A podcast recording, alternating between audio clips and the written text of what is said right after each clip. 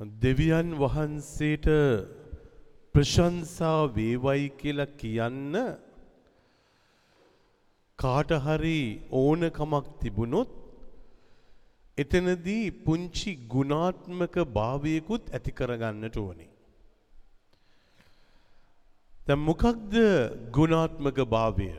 දෙවියන් වහන්සේට ප්‍රශංසා වේවා කියාගෙන හැම වෙලාවෙම ප්‍රශංසාත්මක මුඛයෙන් ජීවත් වෙන්න ඕන නම් පොඩි ක්වලිටි එකක් ඉල්ලනවා. මේ ක්වලිටි එක තමයි ස්වාමින් වහන්සේ අද ඔබට මට කියන්නට යන්න. පෙරලගන්න මතිතුමාගේ සුවිශේෂයේ දහ අටවෙනි පරිච්ඡේදයේ පහළොස්වෙනි වගන්තිය. මතෙව් දහ අටේ පහළව. උන්වහන්සේට ප්‍රශංසා කරන අය තුළ මේ වගේ බලයක් මේ වගේ ශක්තියක් මේ වගේ ආශිර්වාදයක් මේ වගේ දිවි පෙවතක් ස්වාමින් වහන්සේ හදලා දෙනවා. මොකක්ද උන්වහන්සේ හදලා දෙන දිවි පෙවත අපි බලමු. ඔබගේ සහෝදරයා ඔබගේ සහෝදරයා ඔබට විරුද්ධව ඔබට විරුද්ධව පව් කළොත් පව් කළොත් පෞද්ගලිකව පෞද්ගලිකව ඔහු හමුවී ඔහු හමුවේ ඔහුගේ වරද ඔහුගේ වරද පෙන්වා දෙන්න. පෙන්වා දෙන්න. එතුර මේ ලස්සන දෙයක් කිව්වා. ප්‍රශංසා කරන ඔබට මට පුංචි ලස්සන දෙයක් කියනවා. කවුරු හරි කෙනෙක් නේ ඔබට විරුද්ධව වැරද්දක් කරොත් ඔබට විරුද්ධව පාපයක් කරොත් ඔබට විරුද්ධව මොනවා හරි කරුණු කාරණාවක් ඇති කරොත් එතකොට ඒකෙන් කියන්නේ නැහැ කල්ලි ගැහෙන්න කියලා. ඒකෙන් කියන්නේ නැහැ අරයාට කියලා මෙයාට කියලා අරයව අවුස්සගෙන මෙයාව අවුස්සගෙන කණ්ඩායමක් හදාගෙන අපි දැන් ඇටැක් එකක් දෙමු දැන් අපි මේ වෙලාවේ නේ එයාට ඉන්න එක එපා කරමු. ඒගොල්ලන්ට ඉන්න එක එපා කරමු. දැන් මේ වගේ මානසිකත්වයක් මේ දෙවියන් තුල යන කෙනෙකුට නැහැ. ඒතර මොනවද දෙවියන් තුල යන කෙනාට තියෙන්නේ? දෙවියන් තුල යන කෙනාට තියෙන්නේ ප්‍රශ්නය කාත් එක්කද තියෙන්නේ ඒ පුද්ගලයාව රහසිගතව හම්බ වෙලා පෞද්ගලිකව හම්බ වෙලා ඒ ප්‍රශ්නේ විසඳ ගන්නවා. එතකොට දැන් භාර්යාවත් එක්ක තියෙන ප්‍රශ්නය එහෙනම් යහළුවන්ට ඉහෙලියන්ට කියන්න ඕනේ නැහැ. ස්වාම පුරුෂයත් එක්ක තියෙන ප්‍රශ්නය එතකොට නේ නැන්දම්මට මාමණ්ඩිලට කියන්න ඕනේ නැහැ. දැන් ගොඩක් වෙලාවට ප්‍රශ්නයක් තියෙනවයි කියලා හඳුනගත්ත ගමම්ම ඒකට නේ සමහර වෙලාවට වටා පිටාවෙන් තමයි ඔක්කොම ලකලැස්සි කරගන්නේ. මගෙනුත් ඇවිල්ලා අහලා තියෙනවා. මොනවද අහන්නේ? ෆාදර් නේ මහත්යව එක් කරගෙන ආවොත් ෆාදර්ට ඇඩ්වයිස් එකක් දෙන්න පුළුවන්ද? නැත්තම් මහත්තුරුත් අහනවා ෆාදර් වයිෆ් එක් කරගෙන ආවොත් ඇඩ්වයිස් එකක් දෙන්න පුළුවන්ද? මගේ පුතාව ගේන්න ඕනේ ෆාදර් මොනවටද? නේ ෆාදර්ට කියලා පුංචි අවවාදයක් දෙන්න ඕනේ ෆාදර්. එතුර මම සාමාන්‍යයෙන් අහන දේ තමයි ඔබ පෞද්ගලිකව නේ ඔහුත් එක්ක මේක කතා කරාද නෑ ෆාද කතා කරේ නැහැ. ෆාදව ලව්වල තමයි මේක කතා කරවන්නට ඕනේ. ෆාදව ලව්වල තමයි ඇඩ්වයිස් එකක් දෙන්න ඕනේ. ඒක හොඳ ක්‍රමවේදයක්ද කියලා අහලා බැලුවොත් ඒක එච්චර හොඳ ක්‍රමවේදයක් නෙමෙයි. ඔබගේ ස්වාමි පුරුෂයත් එක්ක භාර්යාවත් එක්ක දරුවන්ත් එක්ක තියෙන ප්‍රශ්නයට කාවක්වත් ඇහැඳ ගන්න එපා. අවස්ථාව උදා කරගෙන ඒ ඔහුත් එක්ක ඇයත් එක්ක පෞද්ගලිකවම කතා කරන්න. සණ්ඩු කරන්න නෙමෙයි. නේ කෑ ගහ ගන්න නෙමෙයි. මරා ගන්න නෙමෙයි. පෞද්ගලිකව නේ ඔහු කෙරෙහි ඇය කෙරෙහි ගිහිල්ලා එක කියන්න පුළුවන්කමක් තියෙන්නට ඕනේ. හැබැයි දැන් මොනවද කරන්නේ? ඔහුව හම්බෙන්නෙත් නැහැ, ඇයව හම්බෙන්නෙත් නැහැ. ප්‍රශ්නයක් ඇති වුණාද කෙලින්ම ෆෝන් එක ගත්තා. ඒ ෆෝන් එකේ SMS එකක් ගහනවා. එහෙම කොහොමද කිව්වේ? එහෙම කොහොමද වෙන්නේ? SMS වැලක් ගහනවා ඊට පස්සේ. එතකොට ප්‍රශ්නය විසඳ ගන්න SMS ගහන්නේ. පුළුවන්ද හොඳයි දේ ක්‍රමවේදය නේ පෞද්ගලිකව ඇහැට ඇහැ බලාගෙන ඉමෝෂන්ස් බලාගෙන හැඟීම් බලාගෙන කතා කරන්න ඕන මැටර් එකක් දැම්මොකද කරන්නේ කිසිම හැඟීමක් නැති නිකම්ම වචන ටිකක් අමු අමුවේ ලියල දානවා. අමු අමුවේ වචන ලියනවා. අම්මේ තාත්තේ පුතේ දුවේ ඒක හොඳ ක්‍රමවේදයක්ද කියලා අහලා බැලුවොත් මම කියනවා ඒක එන්න එන්න තව දුරස් කරනවා මිසක ඒ ක්‍රමවේදයෙන් නම් ලං වෙන්නේ නැහැ. SMS ගහලා සමාදාන වෙච්ච මිනිස්සු හරිම අඩුයි. SMS එකකින් තමාගේ ප්‍රශ්නේ විසඳ ගන්න යනකොට එතන විරසක වීමක් ඇති වෙනවා. එතන ඈත් වීමක් ඇති වෙනවා. එතන වෙන්වීමක් ඇති වෙනවා. එතන හේට්‍රඩ් එකක් ඇති වෙනවා. එතන කලකිරීමක් ඇති වෙනවා. එතන වෛරයක් ඇති වෙනවා. ඒ නිසා ගොඩක් වෙලාවට මිනිස්සුන් අනිත් කෙනාව ඈත් කරගෙන තියෙන්නේ SMS නිසා තමයි. අද පවුල් ගොඩක් කැඩලා තියෙන්නේ SMS නිසා තමයි. මොකද මහත්තයාට භාර්යාවට දුවට පුතාට ආමන්ත්‍රණය කරනවා SMS එකකින්. ඔබේ ජීවිතයට කවුරුවරි ප්‍රශ්න විසඳ ගන්න SMS ගැහුවොත් ඔබ ඒක කියවන්නද ආස නැත්තම් ඩිලීට් කරන්නද ආස. ඔබ මොකටද ආස? සාමාන්‍යයෙන් වෙන දේ තමයි SMS එක කියවන්නේ නැහැ. ඒ වෙනුවට කරන දේ තමයි කෙලින්ම ඩිලීට් කරලා දානවා. ජීවිතයක් ජීවිතයකට බද්ධ වෙනකොට තමයි ප්‍රශ්න විසඳෙන්නේ. ෆෝන් එක තියෙන අකුරු සෙට් එකක් කියවලා නෙමෙයි ලියුමක් ලියලා නෙමෙයි. ඒ නිසා තමයි නේ ඉස්සර මිනිස්සුත් පුරුදු වෙලා හිටියා මොනවද නේ තමාට මොනවා හරි කියන්න ඕන නම් කියන්නේ නැතුව ලියුමක් ලියනවා පෙත්සමක් ලියනවා ඒක පෙත්සමක් ගහනවා. විරුද්ධව පෙත්සමක් ගහනවා. අඩුපාඩුකම් පෙන්නලා පෙත්සම් ගහනවා. එතකොට මොකද වෙන්නේ? මිනිස්සු හැදෙයිද පෙත්සම් ගහලා? හැදෙන්නේ නැහැ. SMS ගැහුවයි කියලා මිනිස්සු හැදෙයිද? හැදෙන්නේ නැහැ. මොකද ආත්මික බැඳීමකුත් නැහැ ශාරීරික සම්බන්ධතාවයකුත් නැහැ ඇහැට ඇහැ ගැටීමකුත් නැහැ කනට ඇහෙන්න දෙයකුත් නැහැ. සුවරයන් වල වෙනසක් ඇති වෙන්නෙත් නැහැ සිම්පතියන් එම්පති කියන මේ දෙකම එම්පසයිස් කරන්න එම්ෆසයිස් කරන්න බැරි කමක් ඇති වෙනවා මේ SMS එකකින් ඒ නිසා ගහන්න එපා ඔබේ ජීවිතේ ප්‍රශ්නයක් ආවොත් පෞද්ගලික අවස්ථාව හම්බ වෙනකන් ඉන්න. දැන් එහෙම ඉඳීද පෞද්ගලිකව ප්‍රශ්නයක් ඇති වුණොත් කාත් එක්ක හරි නැහැ. පුළුවන් තරම් ඉක්මනටම ඒක කියන්නම ඕනේ ඒක අහන්නම ඕනේ ඒක විසඳන්නම ඕනේ. ඒක නේ අවස්ථාව එනකන් ඉන්නේ නැහැ. එතකොට නෙමෙයිද කූල් ඩවුන් වෙන්න ඕනේ කාම් ඩවුන් වෙන්න ඕනේ? එතකොට නෙමෙයිද? ප්‍රශ්නයක් තියෙනවා ඇත්තයි. ප්‍රශ්නයක් තියෙනවයි කියලා මේක පුපුරන්න සලස්සන්න බෑනේ කෑ ගහගෙන දඟලගෙන අඬාගෙන හොටු පෙරාගෙන කරන්න පුළුවන් දේවල්ද මේවා? නැහැ. ප්‍රශ්නයක් තියෙනවා නම් තියෙනවා. ඇත්ත එතන ප්‍රශ්නයක් තියෙනවා. හැබැයි ඒ ප්‍රශ්නේ විසඳ ගන්න වෙලාවක් කවදා හරි ඒවි එතකන් ඉවසගෙන ඉමු. ඒ නිසා අන්දර අම්මේ තාත්තේ පුතේ දුවේ ප්‍රශ්නයක් ඇති වුණාම ඉවසන්න පුළුවන්කම තමයි දේවිකත්වය කියන්නේ. ප්‍රශ්නයක් ඉවස් ආපුවාම දරා ගන්න පුළුවන් කම තමයි මේ දේවිකත්වයේ බලය කියන්නේ. නැත්තම් ඔබට මට අවුරුදු 365 දවසේම ස්වාමීන් වහන්සේත් එක්ක ඉන්න පුළුවන්. හැබැයි ප්‍රශ්නේ ඇතිවෙච්ච මොහොතේ ඉඳලම කලබලයි කලබලයි කලබලයි. දැන් කොහොමද අහන්නේ? ඇයි කොහොමද කියන්නට යන්නේ කියන්න ඕනේ අහන්න ඕනේ. මේක දැන් දැන් විසඳ ගන්නට ඕනේ. පස්සෙන් එළව එළව විසඳාවි. කෝල් කර කර විසඳන්න හදාවි. ඒ නිසා තමයි ගොඩක් ප්‍රශ්න වැඩි වෙලා තියෙන්නේ. මිනිස්සු ප්‍රශ්න විසඳ ගන්න හදන්නේ කෝල් කරලා.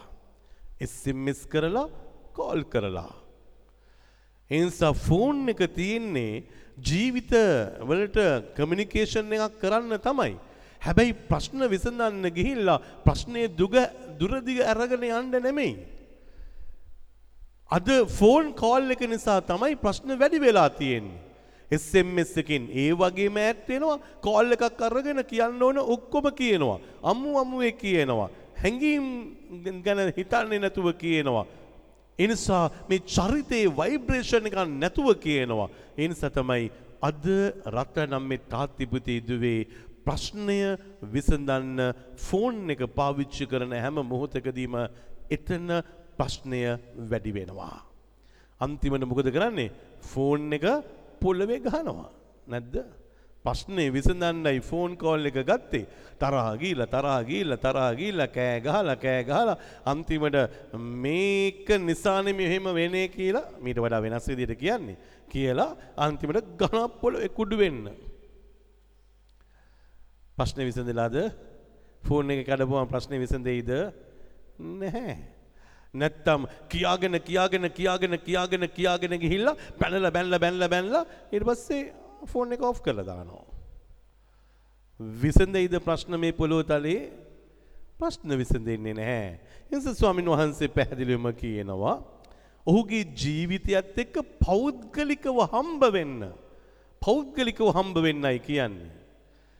එතකොට පෞද්ගලිකව හම්බෙන්න දැන් අද ප්‍රශ්නයක් ඇති වුණා නම් අදම හම්බෙන්න chance එකකුත් නැත්නම් හෙට නම් chance එක තියෙන්නේ හම්බ වෙන්න අනිද්දා නම් තියෙන්නේ chance එක හම්බ වෙන්න සතියකින් නම් තියෙන්නේ chance එක හම්බ වෙන්න අර උණුසුම ගිහිල්ලා.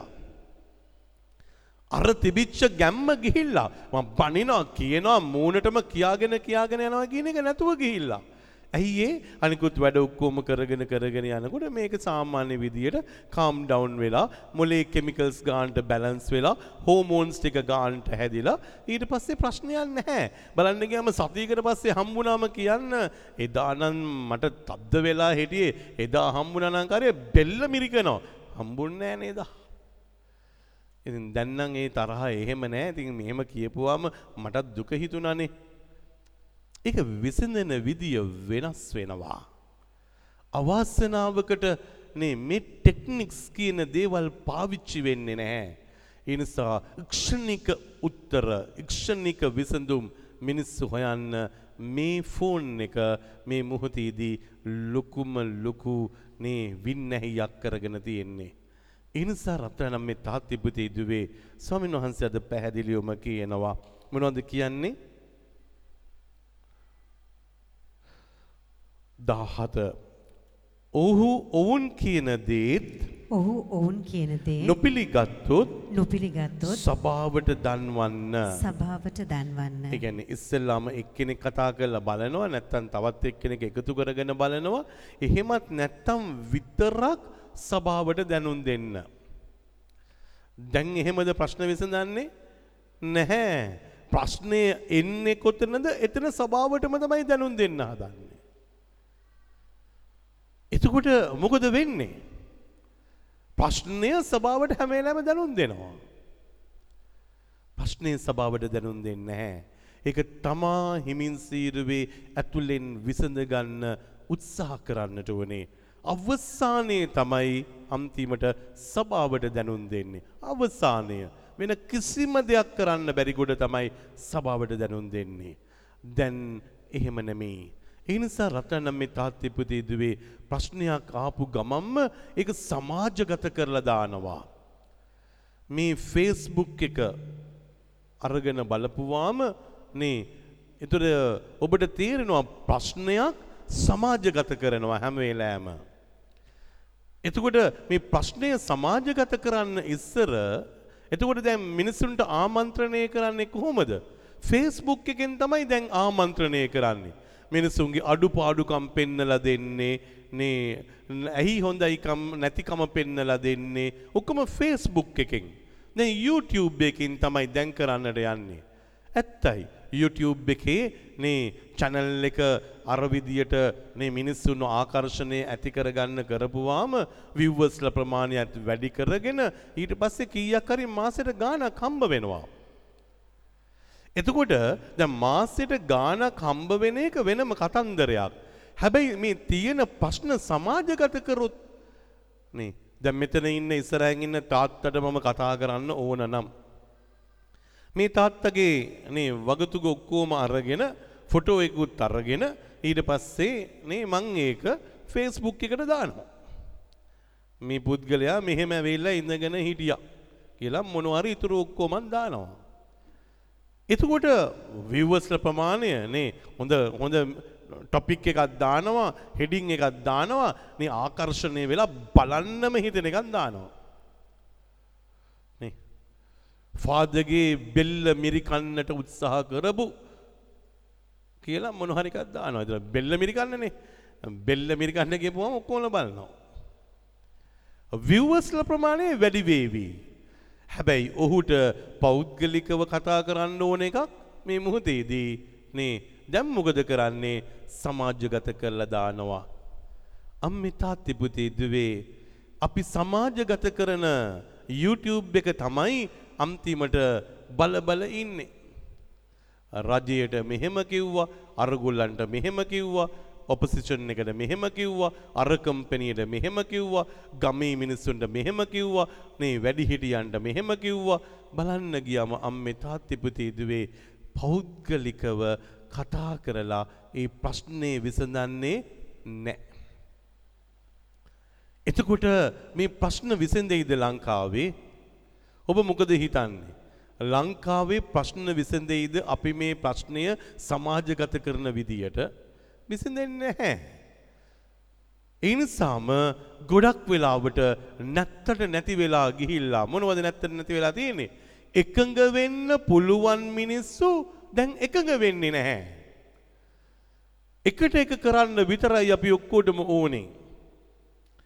එතකොට ස්වාමීන් වහන්සේ ඉදිරියේ මෙහෙම කියනවා සැබවින්ම සැබවින්ම මම ඔබට කියමි. මම ඔබට කියමි. ඔබ පොළවේහිදී ඔබ පොළවේ යමක් බඳින්නහුද යමක් බඳින්න එය ස්වර්ගහිදීද බඳිනු ලබන්නේය. එය ස්වර්ගයේදීද බඳිනු ලබන්නේ. ඔබ පොළවෙහිදී ඔබ පොළවේ යමක් මුදන්නෙහිද යමක් මුදන්නෙහිද? ඒ ස්වර්ගහිදීත් මුදුනු ලබන්නේය. එය ස්වර්ගයේදීත් මුදනු ලබන්නේ. එතකොට දැන් ඔබව මව මේ දුර්වල චරිතයක් කරලා නැහැ. ඔබ මම කාත් එක්ක හරි විසඳගන්න ප්‍රශ්නයේදී මේක ලිහිල් කරලා දැම්මට පස්සේ ඒක ස්වර්ගයේදීවත් ආය බැඳිලා නැහැ. ඒක එතනදිත් ලිහෙනවා. ඒ කියන්නේ දැන් ඔබත් එක්ක ඇති කරගන්න ඝට්ටණය, ඔබත් එක්ක ඇති කරගන්න වෛරය, ඔබත් එක්ක ඇති කරගන්න කේන්තිය, ඔබත් එක්ක ඇති කරගත්ත හැලහැප්පීම ඔබත් මමත් පෞද්ගලිකව ආදරයෙන් විසඳගත්තට පස්සේ ඒක හදිසියේ මරුණත් ස්වර්ගයටවත් අඩුම ගානේ ඒක එසවෙන්නේ නැහැ. නේ එනිසා ඔබේ ජීවිතයේ ඇතුලේ ඒ යමක් ආදරයෙන් යුතුව එකඟතාවයෙන් නේ දෙවියන් වහන්සේට ප්‍රසන්නව ක්‍රිස්තුස් වහන්සේට ප්‍රසන්නව එකඟ වෙලා කරන ඕනෑම දෙයක් මේ පොළොව තලෙත් බලයක් බවට පත් වෙනවා ස්වර්ගයේදීත් බලයක් බවට පත් වෙනවා. එතකොට අපි අහලා බලන්නට ඕනේ මේ දින 40 යනකොට නේ අපි ප්‍රශ්න විසඳ ගන්නට යන්නේ කොයි වගේද? අපි මේ මොහොතේදී ප්‍රබල චරිත වෙන්නද යන්නේ දුබල චරිත වෙන්නද යන්නේ? ස්වාමීන් වහන්සේ නම් පැහැදිලිවම කියනවා මේ විදියට නැවතත් මම ඔබට කියමි. නැවතත් මම ඔබට කියමි. පොළවේහි පොළවේහි ඔබෙන් දෙදෙනෙක් තමන් අයදින කවර දෙයක් ගැන වූවද පොළවේ ඔබෙන් දෙදෙනෙක් Taman අයදින කවර දෙයක් වුවද එකඟ වන්නෝ නම් එකඟ වන්නහු නම් ස්වර්ගයෙහි ස්වර්ගයේහි වසන මාගේ පියාණන් වහන්සේත් වසන මාගේ පියාණන් වහන්සේගෙන් ඒ දෙය ඒ දෙය ඔවුන්ට ලැබෙන්නේය. ඔවුන්ට ලැබෙන්නේය. එතුට බලන්න රටනම් මේ තාත්තෙ පුතේ දුවේ දැන් අපි ගාව නැත්තේ මොකක්ද. හැම වෙලාවේම බේදබින්නතාවය. විරසක වීම නේ එකාට එකා නැතිකම. මෙයාට කැමති නෑ එයාට කැමති නෑ ඒගොල්ලන්ට කැමති නෑ මේගොල්ලන්ට කැමති නෑ මේ රජයට කැමති නෑ ඒ රජයට කැමති නෑ නේ ගමට කැමති නෑ නගරයට කැමති නෑ පෝසත් අයට කැමති නෑ දුප්පත් අයට කැමති නෑ. බලන්න ගියාම මේ අකමැත්තක් මගේ ජීවිතේ හැම වෙලාවෙම තියෙනවා. එතකොට මොකද වෙන්නේ? ඔබ තුල අකමැත්තක් දීර්ඝකාලීනව තියෙන්න පටන් ගත්තොත් ඔබගේ මහත්යත් එක්ක එකඟ වෙන්න බැරුව යනවා. ඔබේ භාර්යාවත් එක්ක එකඟ වෙන්න බැරුව යනවා. ඔබේ අම්මා තාත්තත් එක්ක එකඟ වෙන්න බැරුව යනවා. ඔබ වැඩ කරන තැන මිනිස්සුන්ත් එක්ක එකඟ වෙන්න බැරුව යනවා. ඒ නිසා තමයි අද ගොඩක් වෙලාවට මොකද වෙන්නේ එකඟතාවය වෙනුවට උත්සාහ කරනවා හිමින් සීරුවේ එක එක්කෙනාව කොටවලා එකඟතාවය නැති කරගන්න. දැන් මගේ පැත්තට පිරිසක් ඕනේනේ. ඒ නිසා මොකද වෙන්නේ? එකඟ වෙනවට වඩා හොඳයි මම ගේමක් දෙන්නම්. එහෙම තමයි කියන්නේ. බලමුකෝ මේ වැඩේ කොච්චර කල් කරන්න පුළුවන්ද කියලා තව චුට්ටක් කරනකොට අපි වට කරගෙන මේගොල්ලන්ට පහර ගහණ්ඩයි යන්නේ. වට කරගෙන ගහණ්ඩයි යන්නේ. එතකොට දැන් එකඟ කරගන්නට යනවා මේ මොහොතේදී වෛරයකුත් එක්ක කේන්තියකුත් එක්ක. ඉනිසාද සුව කරන්නද එකඟ වෙන්නේ මිනිස්සුන්ව? අහලා බලන්න. මිනිස්සු එකඟ කරව ගන්නේ සුව කරන්නද නැත්නම් වෛරයක් ඇති කරව ගන්න එකඟ කරව ගන්නවද? එතකොට වෛරයක් ඇති කරන්න එකඟ කරව ගත්තොත් මේ මොහොතේදී එතනදී එක පාපයක් බවට පත්වෙනවා ස්වාමින් වහන්සේ තුළ ජීවත් වෙන ජනතාවක් වශයෙන් වෛර කරන්න නෙමෙයි එකඟ කරගන්නට ඕනේ. හෙලා දකින්න නෙමෙයි එකඟ කරගන්නට ඕනේ. සමාව දෙන්න සහ සමාව ඉල්ලගන්න එකඟ කරගන්න ඕනේ. එතකොට රතනම් මේ තාත්ති පුතේ දුවේ දැන් මේකේ පැහැදිලිවම කියනවා එකඟ වෙන්න නම් කවුරු හරි සමාව දීපු කෙනෙකුට විතරයි එකඟ වෙන්න පුළුවන්. පුළුවන්ද සමාව දීපු නැති කෙනෙකුට එකඟ වෙන්න නැහැ. සමාව දීලා නැත්තම් කාරිය කතා කරන්න පුළුවන්. පුළුවන්ද බැරිද? පුළුවන්. සමාව දීලා නැහැ. කතා කරනවා නේ.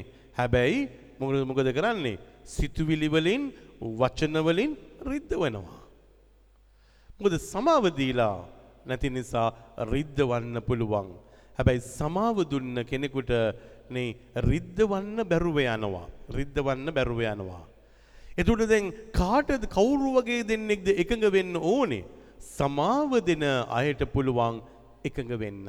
එනි සරත්තනම් මේ තාත්තිපුතේ දුවේ ඔබේ වයිෆ් එක්ක ඔබට එකඟ වෙන්න ඕන නම් ඔබේ හස්බන්ඩ් එක්ක ඔබට එකඟ වෙන්න ඕන නම් ඔබේ දරුවන්ත් එක්ක ඔබට එකඟ වෙන්න ඕන නම් ඔබ වැඩ කරන තැන මිනිස්සුන්ත් එක්ක ඔබට එකඟ වෙන්න ඕන නම් ඉස්සෙල්ලාම කරන්න ඕන දේ තමයි සමාව දීලා ඉන්න සමාව දෙන්න සමාව දෙන්නේ නැතුව එකඟතාවයක් නැහැ. එතකොට එකට වැඩ කරන්න පුළුවන් හැබැයි බලයක් නැහැ. එකට ජීවත් වෙන්න පුළුවන් හැබැයි සතුටක් නැහැ. එකට කන්න බොන්න පුළුවන් එතන බල මහිමයක් නැහැ. එකට මේ මුහොතේදී ට්‍රිප් එකක් යන්නත් පුළුවන් හැබැයි එතන සරුස්වාරභාවයක් නැහැ. සමාව දීලා එකඟ වෙන තැන තමයි ප්‍රතිඵල සාර්ථක වෙන්නේ. ඇයි ඒ එතනදී ක්‍රිස්තුස් වහන්සේ ජීවමාන වෙන්න යන නිසා. එනිසයි මේ වරප්‍රසාදය තියෙන්නේ ක්‍රිස්තුස් වහන්සේ ජීවමාන වෙන්නට යනවා. අපි කියවල බලමු.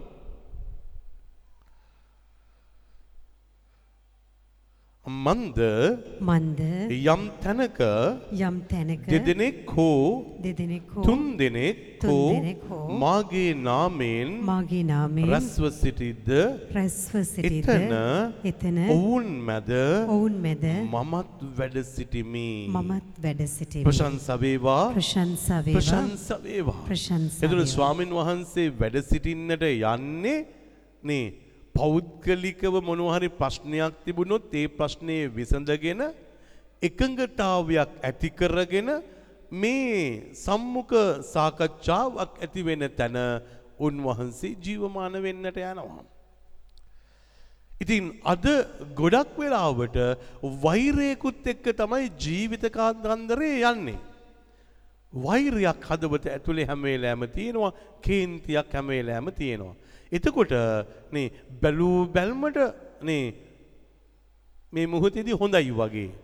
හැබැයි ඇත්ත කෙනා ටික වෙලාවක් යනකොට එළියට එනවා. ඇත්ත කෙනා එළියට එනවා. ඒ නිසා තමයි අම්මේ තාත්ති පුතේ දුවේ ප්‍රශ්න ඇති වෙනකොට කරදර ඇති වෙනකොට බාධක ඇති වෙනකොට තමයි පරිස්සම් වෙන්නට ඕනේ.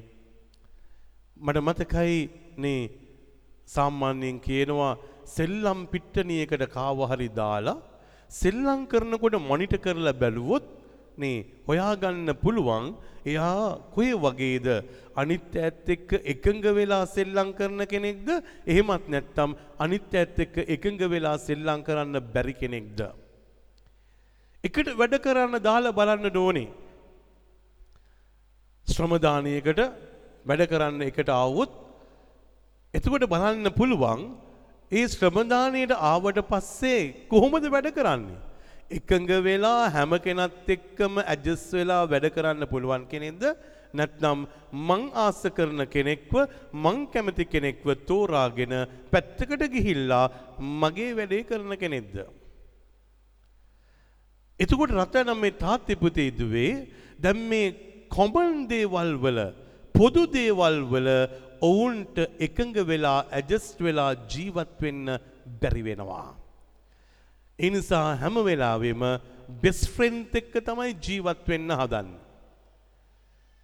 ඒ නිසා ගොඩක් වෙලාවට බෙස්ට් ෆ්‍රෙන්ඩ් එක්ක ජීවත් වෙන්න හදපුවාම බෙස්ට් ෆ්‍රෙන්ඩ් උත් අතහරන දවසක් කවදා හරි එනවා. කමියුනිටි කියන එක නැතුව ගියොත් සංඝය කියන දේ නැතුව ගියොත් සාංගිකත්වය කියන දේ නැතුව ගියොත් පවුල කියන දේ නැතුව ගියොත් නේ පිරිස කියන දේ නැතුව ගියොත් කොච්චර මේ මොහොතේදී මේ ඔබ ගමනක් යන්න හැදුවත් ඒ ගමන අඩාල වෙන්න පටන් ගන්නවා. ඒ නිසා ඔබේ මගේ ජීවිතේ ප්‍රගුණ කර ගන්නට ඕනේ. මොකක්ද ප්‍රගුණ කර ගන්නට ඕනේ? අනිත් ඇත් එක්ක ජීවත් වෙන්න එකඟතාවය ඇති කරගෙන සතුට ලබන්න පුළුවන් කමක්. සතුට ලබන්න පුළුවන් කමක්. එතකොට කොහොමද මම කරන නිසා නෙමේ සතුට තියෙන්නේ. මොනවද කොහොමද සතුට තියෙන්නේ? අනිත් අය කරන දේවල් දකිනකොට අනිත් අය ලස්සනට කරගෙන යන දේවල් වලට ඔක්කොමලා උදව් උපකාර කරනකොට එතකොට තමයි මගේ හදවත ඇතුලේ සතුටක් තියෙන්නේ. ලොකු ආදරයක් මතුවෙනවා. නියමයිනේ, ලස්සනයිනේ. ඔගොල්ලෝ නියමට කරලා සුපර් බා නියමයි යා. කන්ග්‍රැචුලේෂන්ස්. හරිම වටිනවා. මේක කාට හරි ඇහුනොත් කාර්ය එකඟ වෙන්න බැරි කෙනෙකුට මොනව වෙයිද? මොනවද වෙන්නේ? කේන්තියක් ඇති වෙනවා. තරහාවක් ඇති වෙනවා. වෛරයක් ඇති වෙනවා. එතකොට රත්නම් මේ තාත්තේ පුතේ දුවේ එහෙනම් අපි හොයලා බලන්නට ඕනේ මේ වෛරය කියන එක පැල්පදියම් වෙලා තියෙන තාක්කල් එකඟ වෙන්න බැරුව යනවා. වෛරය කේන්තිය කියන දේ සිත ඇතුලේ තියෙන තාක්කල් සමාදානය නැතුව යනවා. වෛරය කේන්තිය පලිගැනීම කියන දේවල් යටි මනස ඇතුලේ තැම්පත් කරලා තියෙන තාක්කල් මේ මොහොතේදී සතුට කියන දේ ජීවිතේ නැතුව යනවා. ඒ නිසා තමයි දුක්ඛ කියන දේවල් ජීවිතේ තියෙන්නේ මේ මොහොතේදී උඩුසිතට වඩා යටිසිතේ. අපි එහෙනම් කාත් එක්ක හරි සමාදාන වෙන්න ඕන නම් නේ එක පාටම දැන් මෙයත් එක්ක මට ප්‍රොබ්ලම් එකක් තියෙනවනේ. මෙයත් එක්ක කියනවා අද ඉඳලා ප්‍රොබ්ලම් එකක් නැහැ ආ?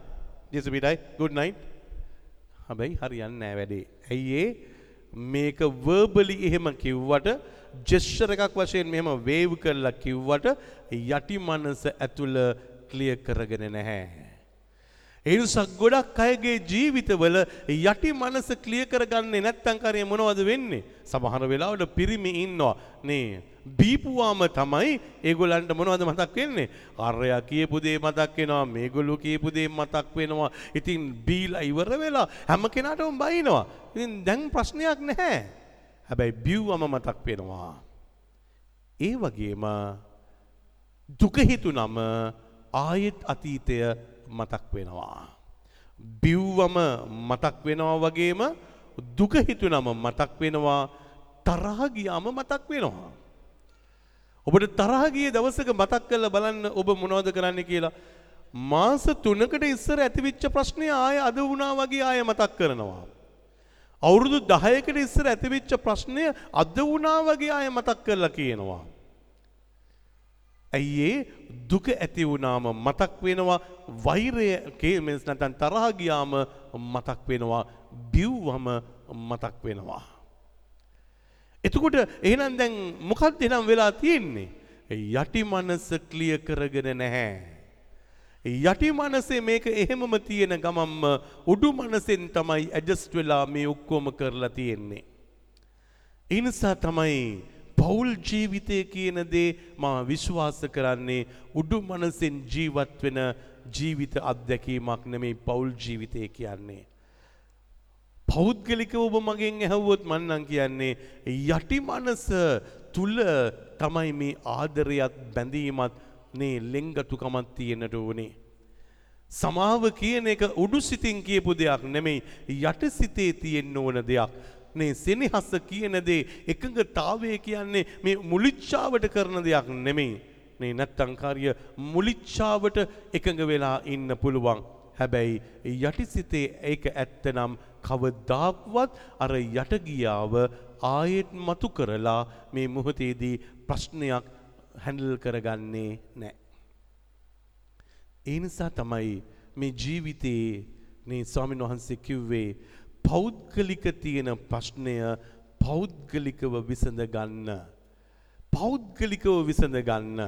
ඒක SMS එකකින් විසඳ ගන්න යන්න එපා. ඒක ෆෝන් කෝල් එකකින් විසඳ ගන්න යන්න එපා. ඒක කවදා හරි ඉවසලා ඉඳලා මූණට මූණ හම්බුණාට පස්සේ කතා කරලා විසඳගෙන ආදරයෙන් යුතුව එක එක්කෙනාට යාඥා කරගෙන සුබ පතාගෙන එතනින් නිදහස් වෙන්න. එතනින් නිදහස් වෙන්න.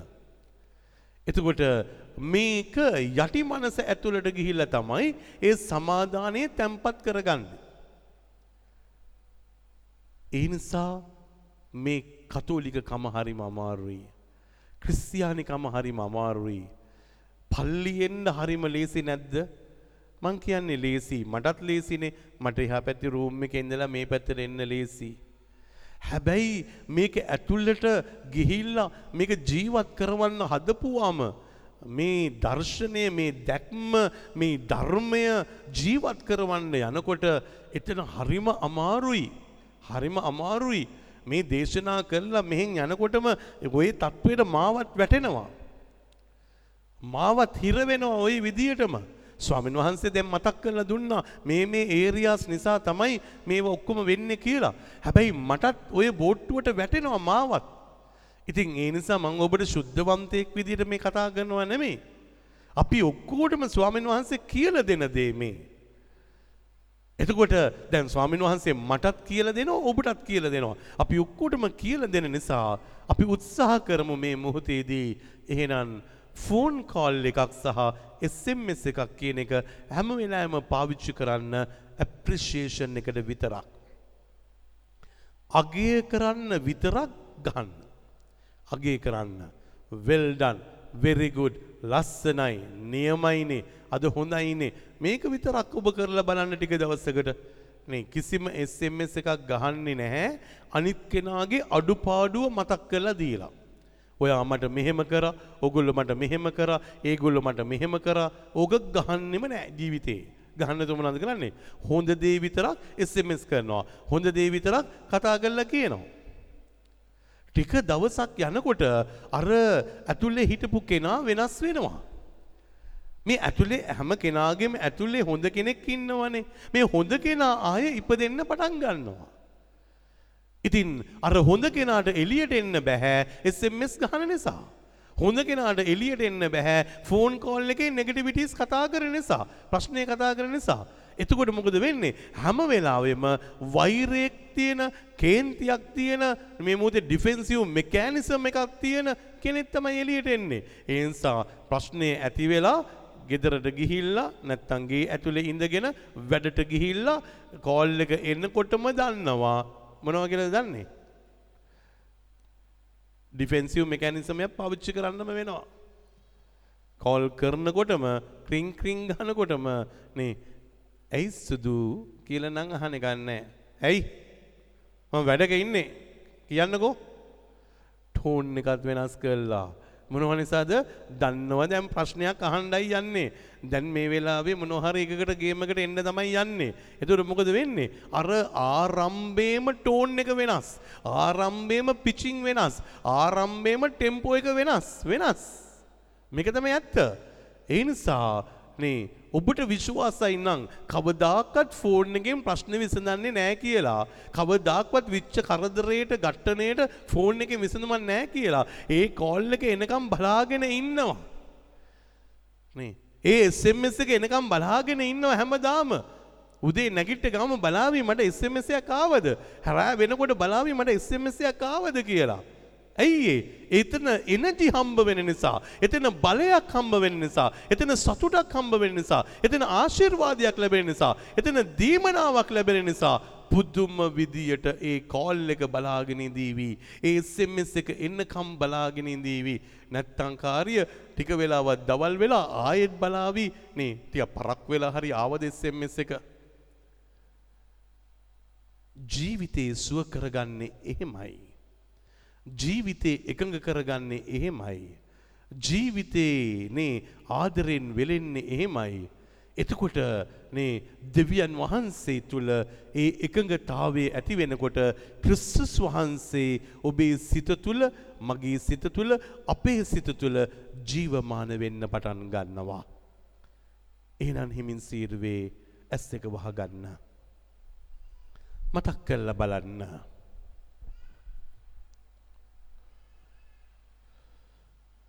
ඔබේ කවුරු හරි ඔබට විරුද්ධව වැරද්දක් කරලා පාපයක් කරලා තියෙනවා නම් ඔබ ඒක විසඳගන්න හැදුවේ කොයි වගේද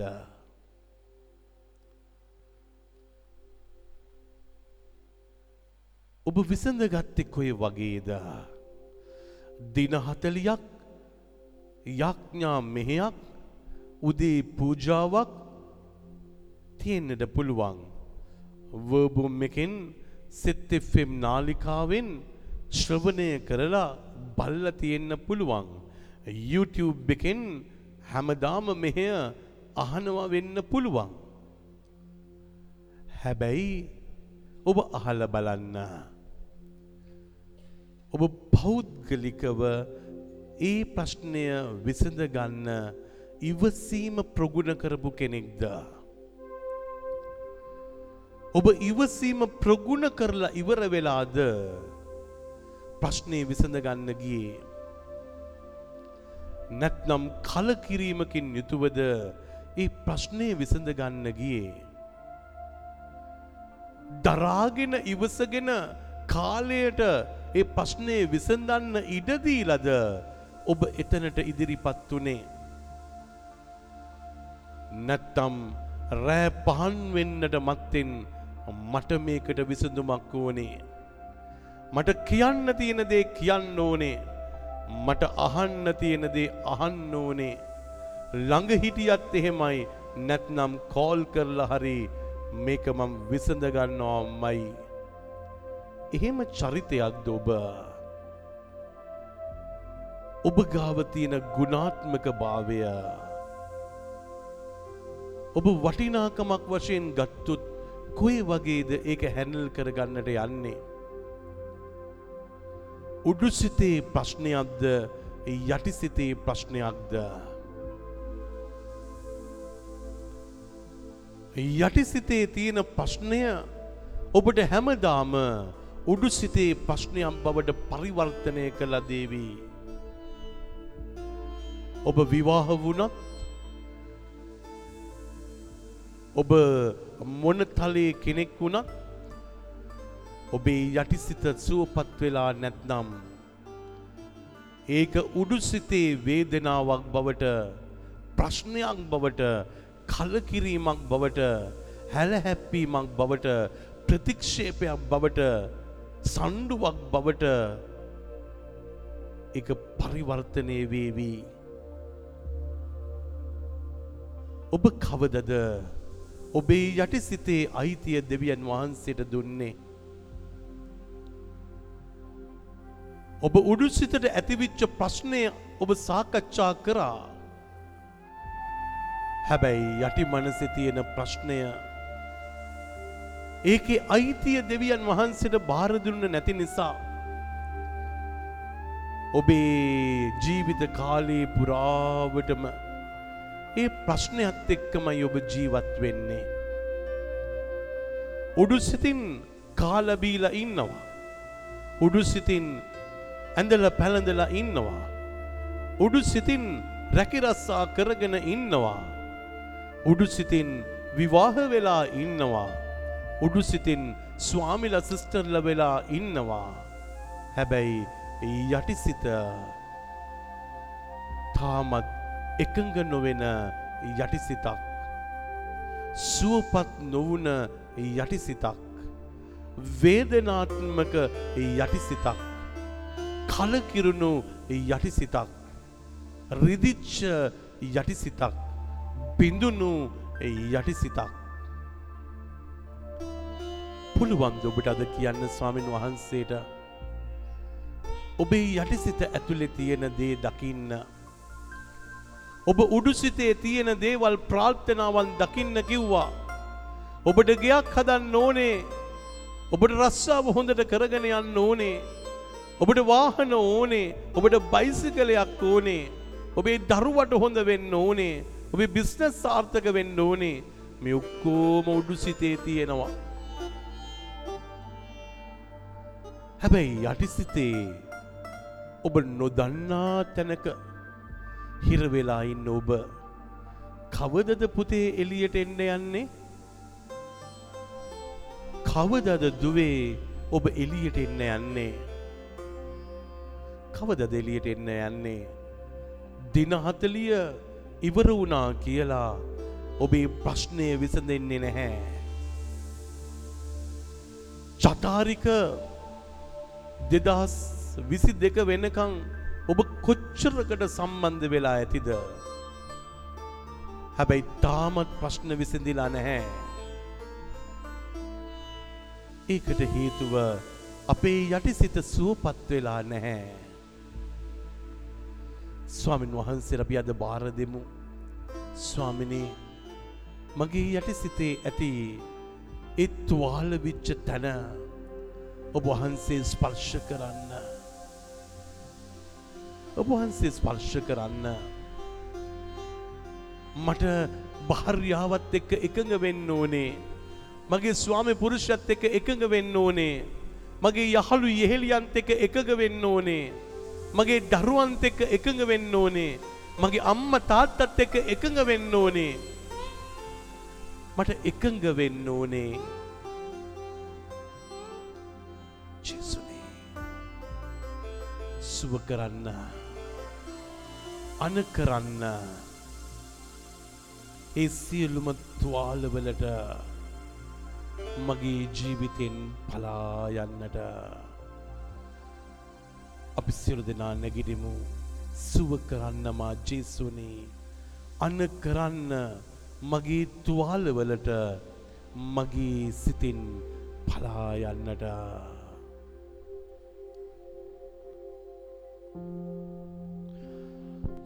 සුව කරන්න මා ජේසුනේ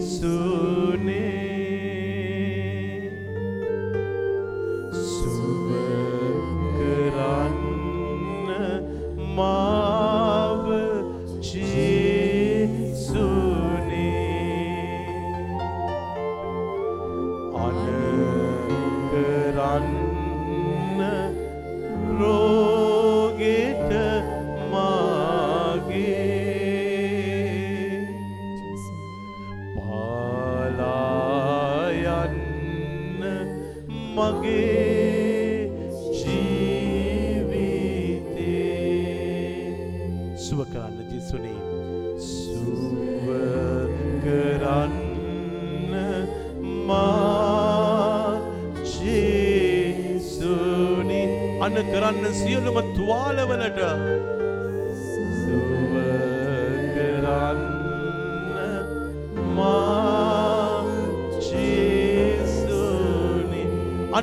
අන කරන්න යටි මනසේ තියෙන වේදනාත්මක මතකයට.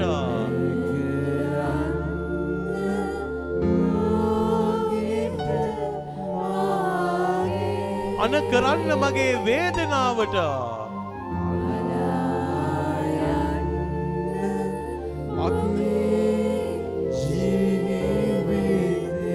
ඉල්ලන්න.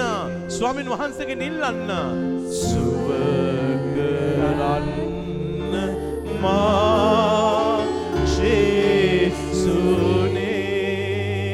අන කරන්න මගේ වේදනාවන් වලට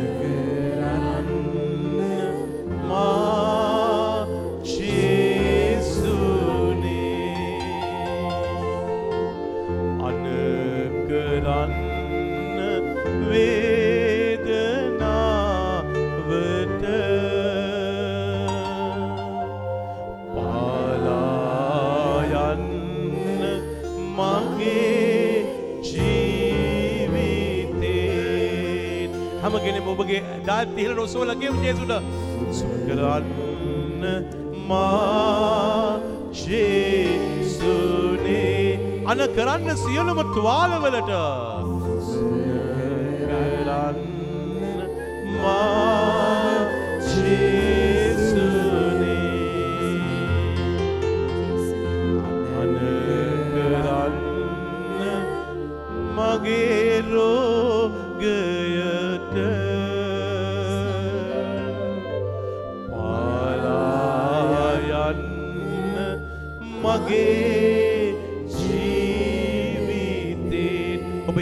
කරන්න හැමගෙනෙම ශුදෝ ස්වාමිනි. උඩු සිත වහන්සේට බාර දුන්න මේ මොහොතක යටි සිත බාර කරනවා ස්වාමිනි. ඒ යටි සිත ඇතුලේ ඒ තැම්පත් වෙච්ච වෛරය තැම්පත් වෙන කලකිරීම තැම්පත් වෙන රෝගය ඔබ වහන්සේ දන්නවා ස්වාමිනි. එබැවින් මේ රාත්‍රිය ඔබ වහන්සේගේ දෑතට බාර කරනවා ස්වාමිනි. එවැනි ජීවිත අත්දැකීමක් තුළ ඒ වේදනාත්මක මතකයන් තුළ අපි බුර බුරා නගින ගීනි දැල්ලක් වගේ. ඒක පිච්චෙනවා ඒක පිච්චෙනවා ඒක පුච්චෙනවා. ඒ නිසා අපේ ජීවිත අසරණ කරනවා. අපේ ජීවිත කලකිරෙන්න සලස්වනවා එබැවින් ස්වාමිනි ඔබ වහන්සේගේ දෑතට බාර කරනවා ඔබ වහන්සේගේ දිව්‍යමය හස්තයට බාර කරනවා ඔබ වහන්සේගේ දිව්‍යමය සුවයට බාර කරනවා ඔබ වහන්සේගේ දේව ආශිර්වාදය තුල ඔබ වහන්සේගේ දේව ස්පර්ශය තුල ඔබ වහන්සේ ප්‍රාතිහාරාත්මකව ආයෙත් එකග වෙන්න ආයෙත් සුවපත් වෙන්න. ඔබ වහන්සේ අපේ සිත සුවපත් කරන්න අපේ යටි සුව සිත සුවපත් කරලා අපේ ආත්ම සුවපත් කරලා අපේ උඩු සිත සුවපත් කරලා ඔබ වහන්සේගේ දිව්‍යමය රැකවරණය දිව්‍යමය සාකච්ඡාව දිව්‍යමය එකගතාවය ඔබ වහන්සේ අපේ ජීවිතවල දෙන්න ස්වාමිනේ දෙන්න ස්වාමිනේ දෙන්න ස්වාමිනේ දෙන්න ස්වාමිනේ දෙන්න ස්වාමිනේ දෙන්න ස්වාමිනේ. මගේ ජීවිතේ අත් දෙක ඔබේ එක අතක් ඔබේ ඔළුවට තියාගන්න ඔබේ දකුණු මත. ඔබේ වම්මත පපුුවට තියාගන්න. ඔබේ සිතේ ඔබේ මනසේ ඔබේ මතකේ ඒ තියෙන සියලූම තුවාලයන් ස්වාමින් වහන්සට සුව කරන්න කියල කියන්න. අන කරන්න රෝගෙට මාගේ පලායන්න මගේ ජීවිතේ. අන කරන්න තුවාලවලට මාගේ. පලායන්න මගේ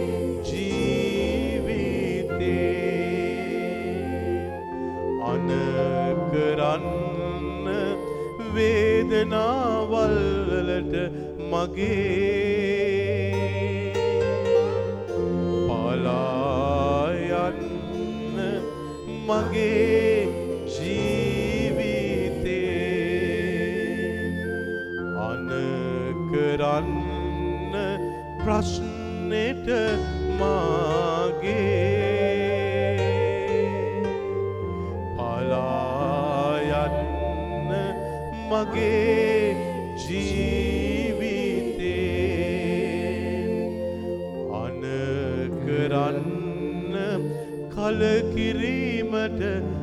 මගේ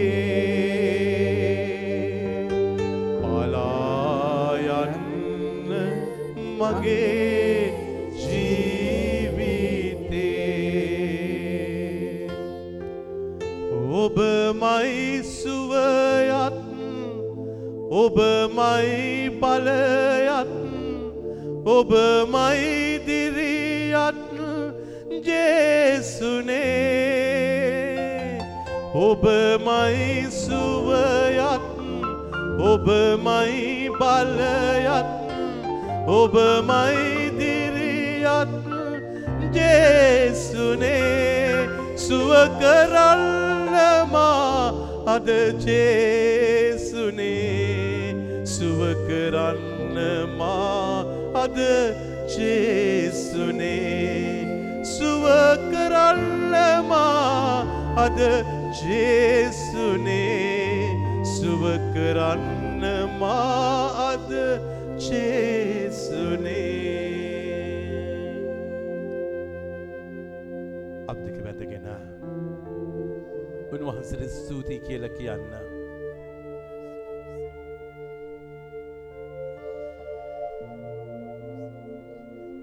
ස්තුතියි ජෙසුනේ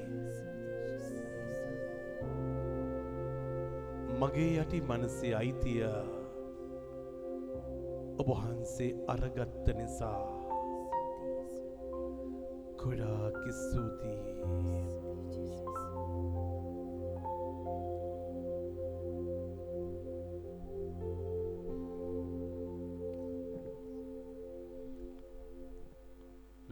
ලෝ සත මැවූ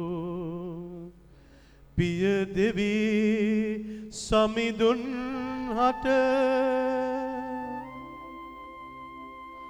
වඳිනේමු බැතියේන. සිරස නාමා වඳිනේමු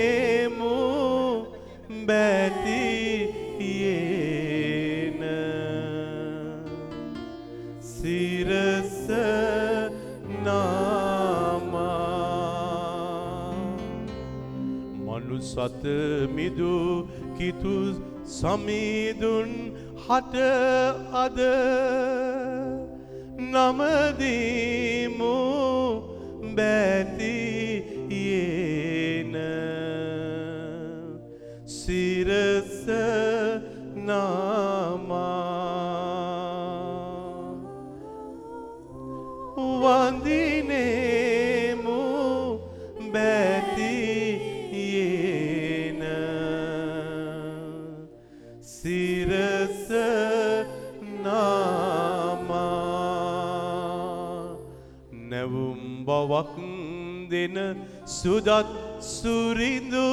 හට